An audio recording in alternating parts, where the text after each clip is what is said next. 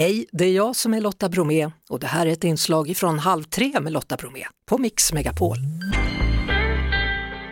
Hörrni, I Malmötrakterna där finns en unik tapetsamling som ägs av Don Johansson och den här samlingen den är så stor att den bland annat då rymmer hela Sveriges Televisions gamla tapetlager. I samlingarna finns tapeter från 1800-talet och framåt och nu ska några av dem faktiskt ställas ut. Don Johansson, hallå där och välkommen till Halv tre. Hej Lotta, tack så mycket. Vad betyder tapeter för dig Don? Ja, det är ett spännande uttrycksmedel tycker jag. Som är ofta lite förbisett. Ja, Och som man, det är lite annorlunda också för att man, man har inte alltid sett gamla tapeter på riktigt. Det, Nej. det skiljer sig lite från en antikvitet till exempel för att de, de, de finns ju alltid i, i omlopp liksom men gamla tapeter försvinner ju när de används. Jag har ju eh, bekanta som är väldigt förtjusta i tapeter. Några som då åker och köper liksom äkta gamla tapeter från speciella affärer. Och sen så har jag en, en gudson som har köpt ett gammalt ruckel och där kan man se när man börjar riva på de väggarna då kommer man fram till ursprungstapeterna. De är jättevackra väldigt ofta. Mm, det är de ju. Och det är där du kan ofta se lite fragment och sådär när du gräver i väggarna. Eh, har du någon favorit själv? Ja, det finns ju massor. Eh, ofta lite udda saker. Sådär som, eh, som man är lite, lite förvånad hur de, hur de egentligen tänkte när de gjorde mönstren. Vad tänker du på då man- på för något mönster?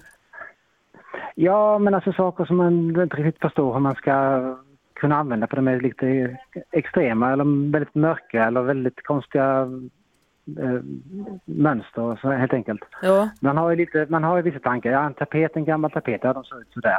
Det är medaljongtapet och det är en blommig tapet. Men det finns så mycket annat som är, som är bara konstigt helt enkelt. ja. Vet man alltid hur, hur man ska sätta våderna? Eh, nej, inte Nej. alltid faktiskt. Det var det, jag, det var det jag tänkte när du sa att det var konstiga mönster så tänkte jag ja, det blir Ja, förvirrande. jo. Ja. Ibland får man gissa lite grann. Eh, Hur, hur kommer det sig att du börjar bli intresserad av det här? Ja, det var en tillfällighet att jag jobbade ju på filmbolag i Stockholm och eh, var egentligen inte kvar på jobbet där utan bara var uppe vid en tillfällighet och svarade i telefon på kontoret. Mm. Och då ringde en tjej dit och hade ett lager som, eh, från en gammal tapetaffär som hon undrade om filmbolaget ville köpa. Och eh, det var inte aktuellt men jag nappade ju på idén liksom. Det är ju 20 år sedan detta. Ja. Så eh, jag åkte och tittade på det och så köpte jag in det. Och sen har det rullat på. Och sen tydligen då också hela Sveriges Televisions gamla tapetlager. Mm, de hörde av sig för eh, några år sedan. För de har ju haft det stående bara i sina gömmor liksom i, i, i många, många år. De hade ju köpt upp i sin tur från många nedlagda butiker som låg Jaha. klara Ja. när det revs. Så det var ju tapeter från då, ja, säg sent 1800-tal till 60-tal när Klara revs. Och då visste de liksom att det finns en tapetkille som heter eh, Dan. Så vi ringer honom. Ja, riktigt hade gått. Ja. Du, nu ska ju en del av de här rullarna då ställas ut. Var, var ska den här utställningen hålla till? Vi har en liten, eller vi har en butikslokal i Malmö och i anslutning till den har vi en litet, liten, som vi kallar gallerilokal med en egen ingång. Mm. Där vi har eh, kunnat hänga upp tapetvårdarna.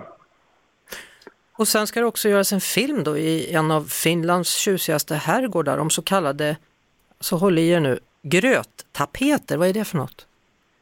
Ja, det, det kallas det lite grann på, lite, lite elakt på de tapeter som kom på 30-40-talet.